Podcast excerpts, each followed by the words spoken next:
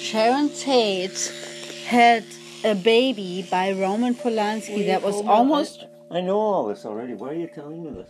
No, It's because I'm news. trying to record. it. This is old news, believe me. Nobody cares.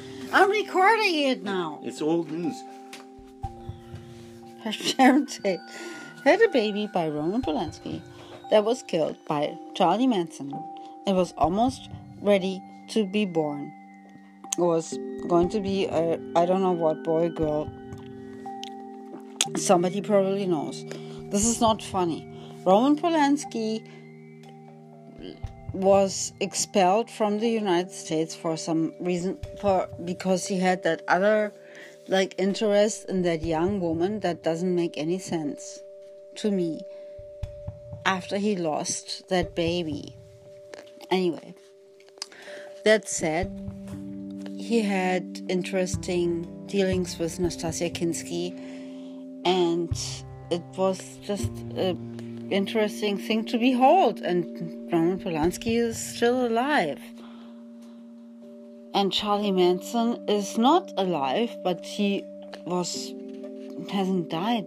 He died recently, and that said, it's kind of weird, to, like to think that Sharon Tate would have had that baby with Roman, and maybe Roman wouldn't be that poor outcast that can never go back to Poland again his hometown in Poland again. He can never go back to his hometown in Poland again because he's not Polish anymore.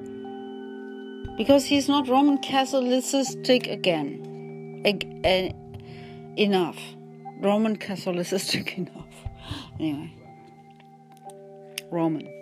Polanski is not Roman Catholic enough to go back to his Roman town in Poland to be celebrated. I mean, like, I would totally celebrate him in that Roman town or in any other town. I like Roman Polanski. Let's have a Roman Polanski celebration station right now. COVID 2020. Roman Polanski, in hindsight, is the best Roman Polanski that we've ever had. And we're never going to have another Roman Polanski like that, for which we need a Roman Polanski, at least one. If we can have more than one Roman Polanski, would be okay too. Like clone him, clone Roman Polanski, make a Roman Polanski number two. This is me. I could be the Roman Polanski number two. Only, I don't know what gender that would be, but I would love to be Roman Polanski number two. I love you, Roman Polanski. I want to be you.